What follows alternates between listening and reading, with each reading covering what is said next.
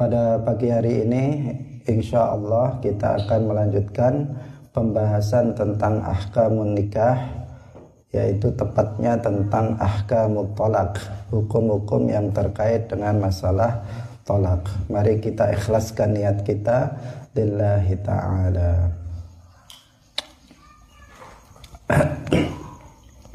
Telah kita bahas sebelumnya bahwa tolak dari satu segi itu dibagi menjadi dua yaitu tolak sorih dan tolak kinayah. Tolak sorih adalah ketika suami menceraikan istrinya dengan menggunakan lafaz tolak atau cerai.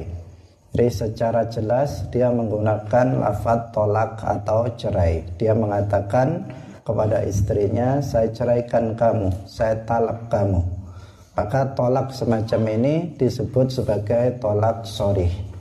Baik suami itu berniat untuk menceraikan istri atau tidak berniat untuk menceraikan istri, maka istrinya sudah tertalak.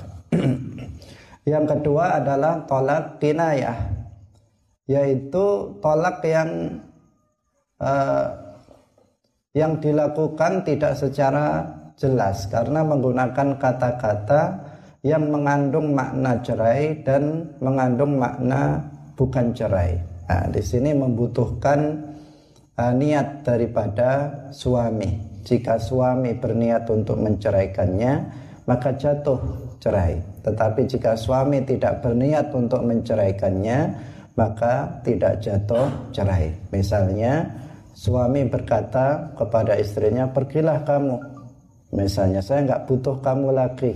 Misalnya suami mengatakan begitu kepada istrinya, uh, maka di sini mengandung dua makna.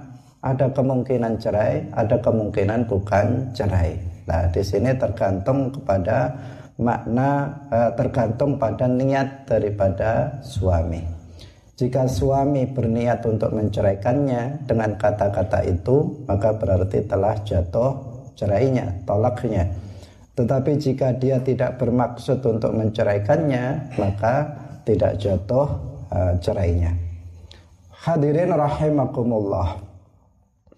Kemudian di sisi yang lain, tolak ini juga dibagi menjadi dua.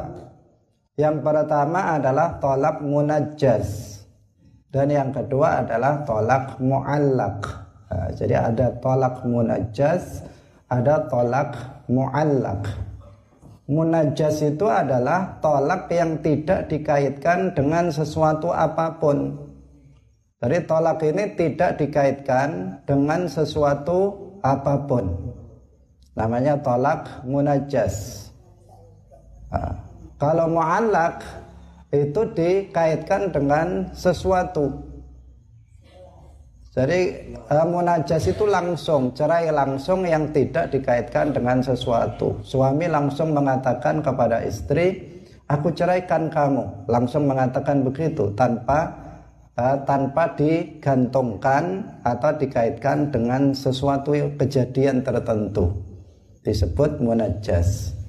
Kalau dikaitkan dengan suatu perkara, suatu kejadian, maka disebut mu'allak. Misalnya, uh, yang mu'alak misalnya suami mengatakan kepada istrinya jika kamu masuk ke rumah si fulan lagi maka kamu saya ceraikan. Jadi ini uh, ada kata-kata jika atau apabila kamu masuk ke rumah si fulan maka kamu saya ceraikan. Nah, ini namanya mu'alak digantungkan kepada masuknya istri ke rumah si fulan jika ternyata betul si istri itu masuk ke rumah si fulan, maka uh, si istri ini terceraikan. Tetapi jika ternyata istri nggak masuk, maka istri tidak terceraikan. Nah ini namanya tolak mu'allak, digantungkan kepada kejadian uh, kejadian tertentu. Nah, kalau munajas itu langsung uh, suami langsung mengatakan saya ceraikan kamu Udah titik seperti itu saja. Saya tolak kamu sudah sampai di situ saja. Tidak ada apabila. Tidak ada kata-kata apabila begini maka kamu saya ceraikan. jika kamu begini maka saya ceraikan tidak seperti itu nah, itu perbedaan tolak munajas dan mu'allak berarti kalau munajas itu langsung jatuh kalau memang menggunakan lafat yang sorry maka langsung jatuh tolaknya seketika ketika suami mengatakan kamu saya ceraikan maka jatuhlah tolaknya nah, Berbeda dengan tolak mu'alak. Kalau tolak mu'alak itu tidak jatuh kecuali kecuali syarat yang ditentukan oleh suami itu dilakukan oleh apa namanya oleh siapa istri. Misalnya jika kamu masuk ke rumah si fulan maka kamu saya ceraikan. Nah, kapan jatuhnya cerai ini? Yaitu apabila si istri masuk ke rumah si fulan. Jika tidak maka tidak akan jatuh. Nah, ini perbedaan antara tolak munajas dan tolak muallak.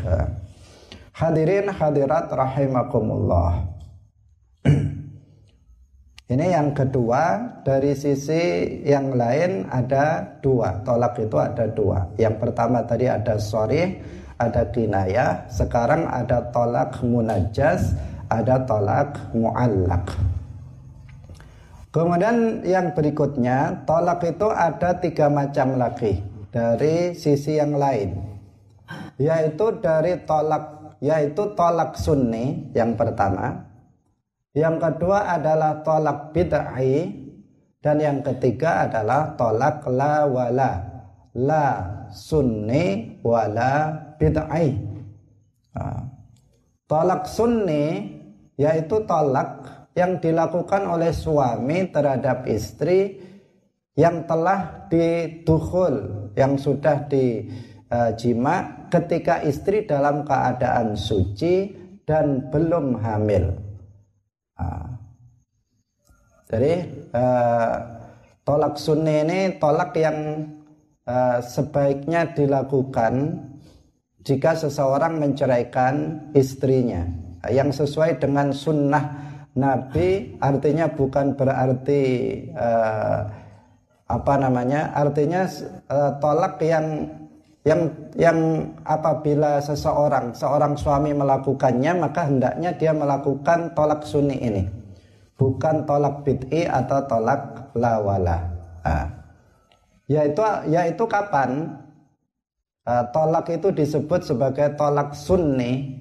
Uh, Tolak sunni pertama yaitu apabila dilakukan oleh suami terhadap istri yang sudah uh, yang sudah ditukhul, sudah melakukan hubungan suami istri ketika istri dalam keadaan suci dan belum dijima pada waktu suci tersebut serta tidak dalam keadaan hamil atau manupaus. Nah, manupaus itu masa di mana seorang perempuan sudah tidak subur lagi dengan ditandai dengan tidak lagi mengeluarkan darah haid setiap bulannya itu manupaus. Jadi eh, tolak sunni itu dilakukan oleh suami ketika sudah terjadi hubungan suami istri kemudian dia sudah suci dari haidnya uh, suci dari haidnya belum melakukan hubungan suami istri di waktu suci itu kemudian dia menjatuhkan cerainya. Maka ini yang disebut dengan tolak sunni. Jadi seorang suami kalau mau menceraikan uh, istrinya uh, setelah misalnya direnungkan lama dan dia harus menceraikan menurut dia dia harus menceraikan istrinya maka dia menunggu waktu ini yaitu setelah istrinya selesai dari haid. Ah, setelah suaminya ah, istrinya sudah selesai dari haid berarti sudah di masa suci. Kemudian dia belum melakukan hubungan suami istri di waktu suci itu. Maka pada saat itulah uh, dia melakukan tolak. Dia mengatakan kepada istrinya, "Saya ceraikan kamu." Ini namanya tolak yang seperti ini namanya tolak sunni. Nah. Hadirin rahimakumullah. Kemudian yang kedua adalah tolak bid'i.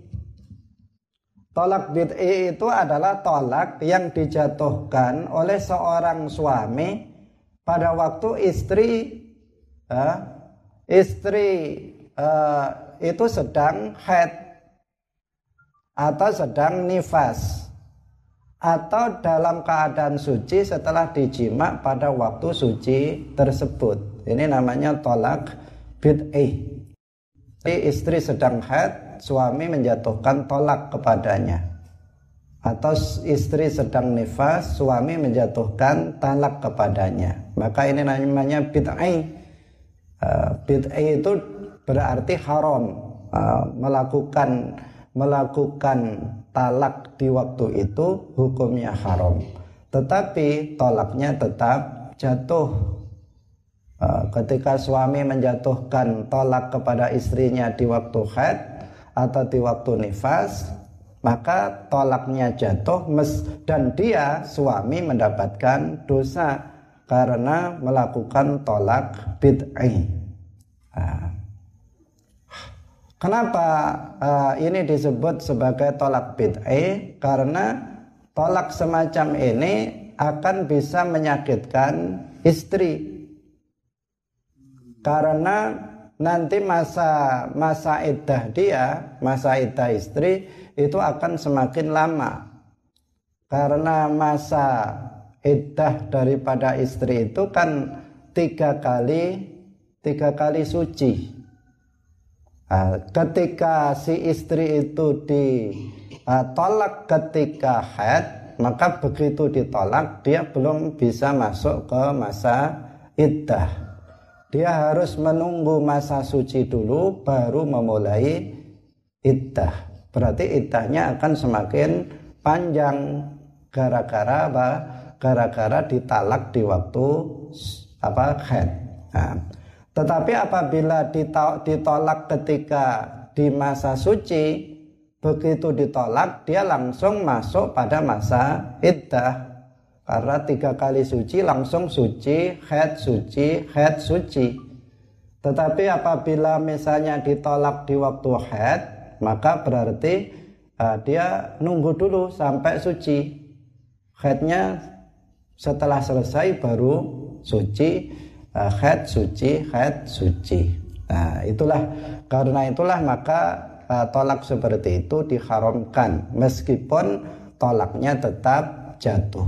Nah, di sini harus berhati-hati dengan pendapat dari Ibnu Taimiyah yang dia mengatakan bahwa jika suami mentalak istrinya di waktu haid maka tolaknya tidak jatuh. Ini adalah uh, sekian banyak dari kesesatan Ibnu Taimiyah dalam bidang fikih. Nah, kalau dalam bidang akidah kesesatan Ibnu Taimiyah sangat banyak, uh, sangat banyak sekali yang yang bertentangan pendapat-pendapatnya yang bertentangan dengan Al-Quran, bertentangan dengan hadis, bertentangan dengan ijma umat Islam. Di antaranya dia meyakini bahwa Allah itu duduk di atas aras. Dia meyakini neraka itu akan punah. Ibnu Taimiyah mengatakan alam ini jenisnya azali dan seterusnya. Banyak sekali kesesatan-kesesatan Ibnu Taimiyah. Dia juga yang mengharamkan melakukan safar perjalanan jauh dengan tujuan untuk ziarah ke makam Rasulullah. Itu juga Ibnu Taimiyah yang melakukannya. Nah, dalam bidang fikih uh, Ibnu Taimiyah juga banyak menyalahi uh, menyalahi umat Islam, ijma umat Islam. Di antaranya adalah pendapat pendapat dia tentang masalah ini, yaitu tentang masalah tolak tolak bid'ah dia mengatakan bahwa tolak bid'ah itu tidak sah, tidak uh, sehingga tidak jatuh tolaknya apabila seseorang melakukan tolak bid'ah. Padahal seluruh uh, mazhab empat mengatakan tolak bid'ah itu jatuh, hanya saja uh, suami itu berdosa karena dia telah melakukan apa namanya tolak di waktu apa nama uh, tolak yang bisa uh, di waktu haid yang bisa menyebabkan uh, istri itu uh, tersakiti. Hadirin rahimakumullah. Tolak bid itu yang pertama tadi yaitu apabila tolak itu dijatuhkan oleh suami ketika istri dalam keadaan haid atau nifas atau ini juga bid'ah apabila istri itu ditolak dalam keadaan suci setelah dijima pada waktu suci itu jadi misalnya istri sudah selesai dari haidnya, kemudian mereka melakukan hubungan suami istri. Setelah itu diceraikan di masa yang sama, masa suci itu di uh, diceraikan. Ini namanya juga tolak uh, tolak apa? Bid'ah. Yang seharusnya apa?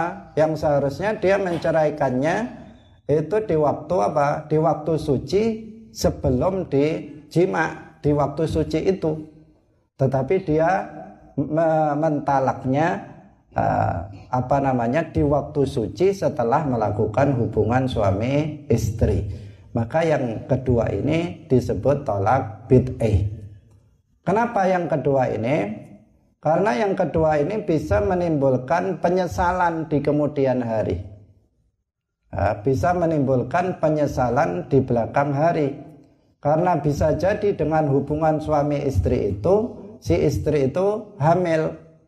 Misalnya si istri sudah bertahun-tahun tidak memiliki anak misalnya. Kemudian si uh, si suami ingin menceraikannya.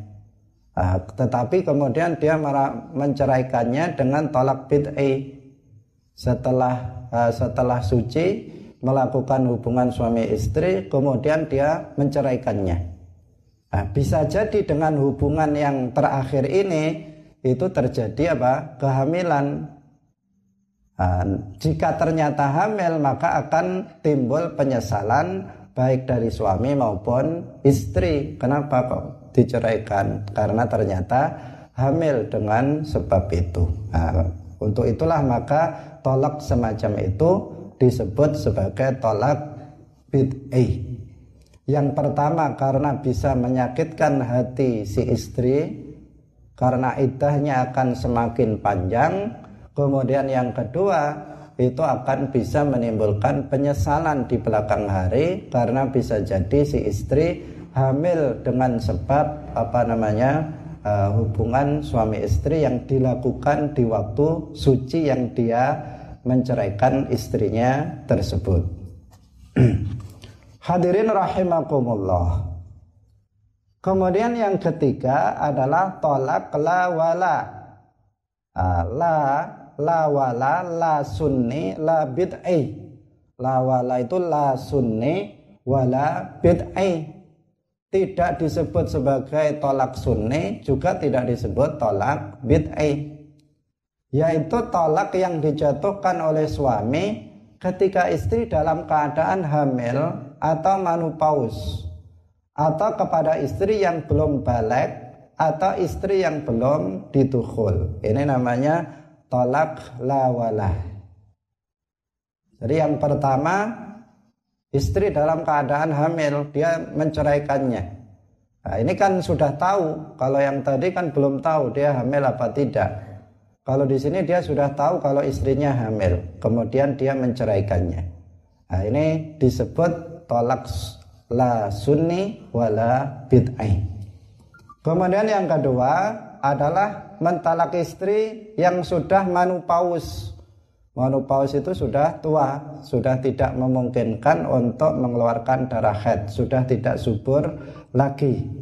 Ini manupaus. Ini juga kalau istri semacam itu diceraikan oleh suami maka disebut sebagai tolak lawala atau istri dalam keadaan masih belum balik misalnya istrinya masih kecil belum balik diceraikan ini juga uh, apa namanya tolaknya lawala atau istri yang belum ditukhul masih baru kemudian langsung diceraikan. Itu juga uh, disebut tolak lawalah nah.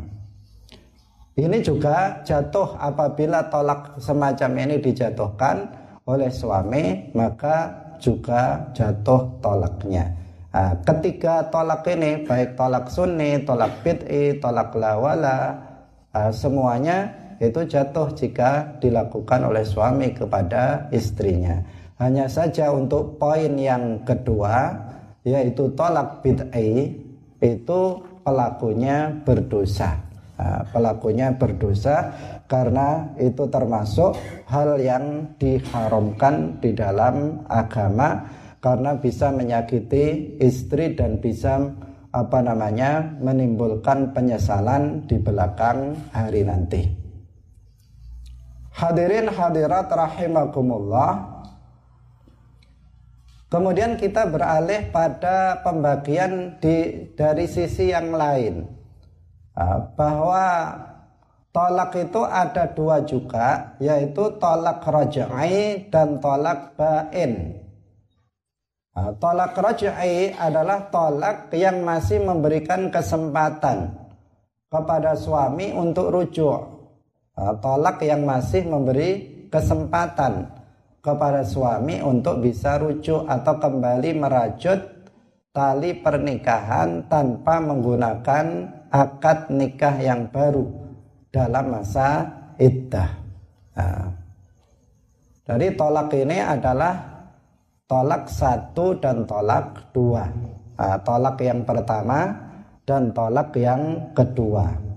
Ini yang disebut tolak rojai. Ketika suami mengatakan pertama saya ceraikan kamu, maka ini berarti tolak satu, masih namanya tolak rojai. Nah, setelah itu kan ada masa iddah. Di masa iddah ini suami masih bisa merujuk atau mengembalikan hubungan perkawinan di antara keduanya tanpa harus melakukan akad pernikahan yang baru. Langsung keduanya suami mengatakan saya rujuk kamu kembali itu sudah sudah bisa menjadi suami istri lagi. Jika kemudian di belakang hari dia melakukannya lagi, dia mengatakan saya ceraikan kamu, maka ini berarti sudah dua. Yang tadi satu, kemudian ditambah ini dua. Yang kedua ini pun masih disebut sebagai tolak rojai. Uh, si suami masih bisa merujuk istrinya kembali. Uh, ini untuk yang yang kedua. Uh, tetapi apabila sudah apa namanya sudah yang ketiga, maka itu nanti disebut sebagai tolak bain. Jadi kalau masih tolak tolak pertama dan yang kedua selama masa iddahnya itu belum habis maka si suami masih bisa merujuk istrinya kembali di masa iddah tersebut. Tetapi apabila masa di masa iddah itu suami tidak rujuk maka di sini terjadi namanya bain suhro uh, bain suhro misalnya Eh, setelah ditolak pertama masih pertama uh, kemudian setelah masa iddah habis suami belum rujuk uh, sampai habis masa iddahnya. Maka setelah ini apa yang terjadi? Suami ingin kembali menjadi suami dari perempuan itu. Padahal masa iddahnya sudah habis di sini dia sudah nggak bisa rujuk karena sudah bain suhro. Kalau dia mau menikah lagi, maka dia harus melakukan akad nikah baru dengan mantan apa namanya mantan istrinya itu. Dengan akad yang baru artinya ada wali, ada dua orang saksi. Dia harus melakukan pernikahan kembali. Ini kasus apa namanya yang disebut dengan bain sughra. Uh, yaitu apabila seorang suami tidak merujuk istrinya setelah habis masa iddah dari tolak satu atau tolak dua. Dia tidak rujuk. Uh, belum terfikir atau bagaimana uh, mestinya ketika ada iddah ini berarti ada kesempatan seorang suami diberikan kesempatan untuk berpikir di masa iddah ini agar dia kembali merujuk istrinya atau tidak. Hadirin rahimakumullah. Kemudian yang kedua adalah tolak bain. Tolak bain ini tidak memberikan kesempatan kepada suami untuk rujuk kembali. Kecuali dengan ketentuan-ketentuan tertentu. Itu pun bukan rujuk tetapi pernikahan yang baru dengan ketentuan-ketentuan yang panjang. Nah, yaitu tolak tiga. Nah, tolak tiga ini baik terjadinya secara terpisah-pisah seperti yang tadi kita ceritakan. Pertama suami mengatakan saya ceraikan kamu. Nah, setelah itu di masa idah dia balik lagi. Setelah itu uh, dia suami ngomong lagi kepada istrinya saya ceraikan kamu. Maka sudah dua. Nah, setelah itu rujuk kembali. Setelah itu suami mengatakan lagi saya ceraikan kamu maka sudah menjadi tiga. Ini namanya sudah menjadi tolak bain uh, kubro. Uh, di sini menjadi kubro. Uh, tidak bisa suami uh, merujuk istrinya kembali dalam akad perkawinannya. Atau si suami mentalak tiga istrinya itu dalam satu kalimat dia langsung mengatakan satu kali, cuman dia mengatakan saya ceraikan tiga kamu, misalnya saya talak tiga kamu, langsung mengatakan seperti itu. Maka di sini juga jatuh tiga, nah, jatuh tiga. Atau secara berulang-ulang dia mengatakan saya ceraikan kamu, saya ceraikan kamu, saya ceraikan kamu. Tujuannya bukan untuk memperkuat yang pertama, tetapi untuk apa namanya? Untuk menambahkan, nah, menambahkan tolak itu. Maka di sini juga jatuh tolak tiga. Nah, nah dalam masalah ini Ibnu Taimiyah juga berbeda dengan Ahlus Sunnah wal Jamaah. Ibnu Taimiyah dalam masalah ini mengatakan bahwa tolak uh, tolak tiga dengan satu lafat itu menurut Ibnu Taimiyah hanya jatuh satu. Nah, ini juga uh, salah satu pendapat Ibnu Taimiyah yang menyalahi umat Islam.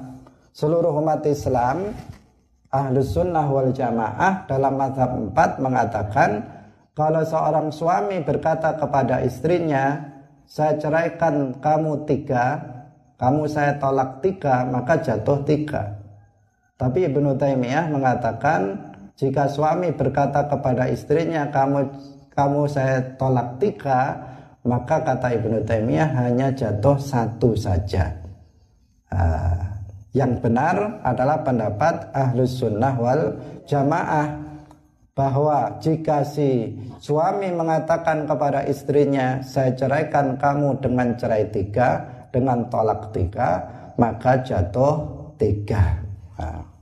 hadirin hadirat rahimakumullah jadi tolak tiga baik itu dengan dengan satu kata atau dengan tiga kata, tiga kalimat atau secara langsung atau satu-satu itu adalah jatuh tiga.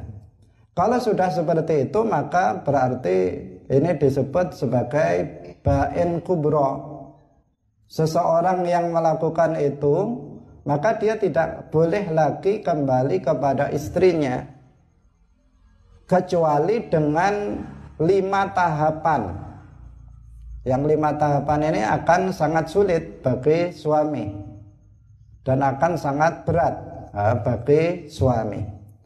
Yaitu apa? Yang pertama, si istri harus sudah habis masa iddah dari suami yang pertama.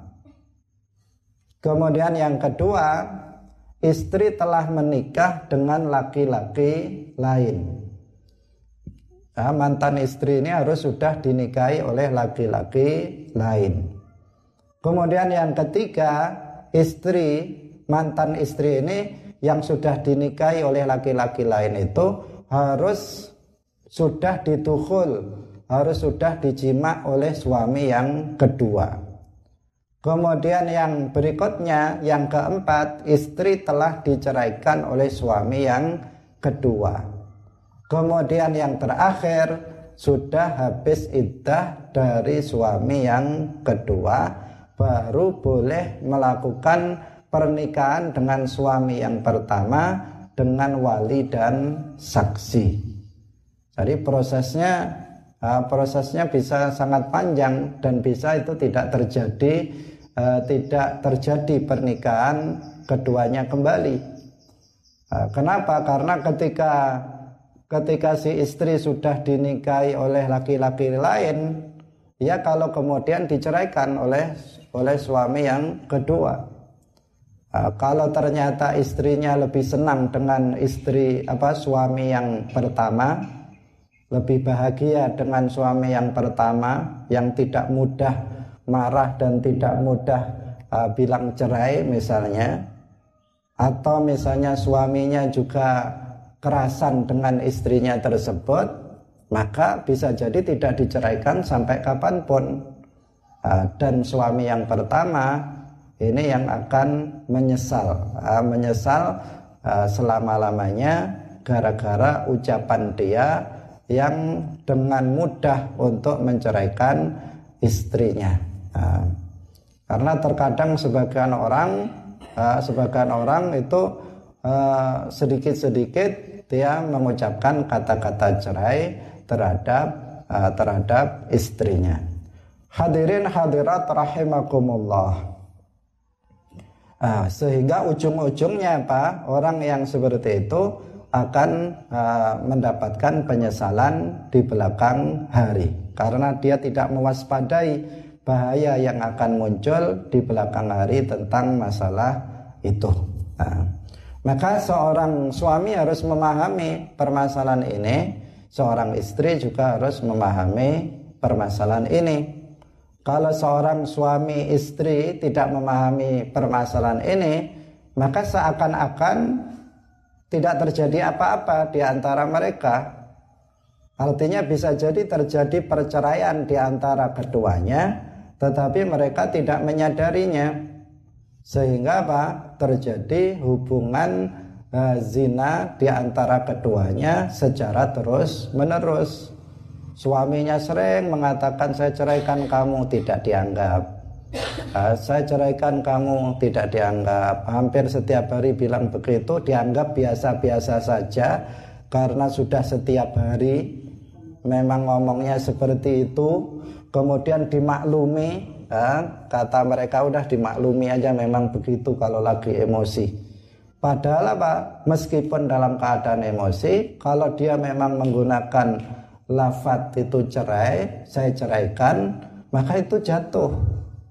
Nah kalau setiap hari dia bilang begitu, berarti berkali-kali.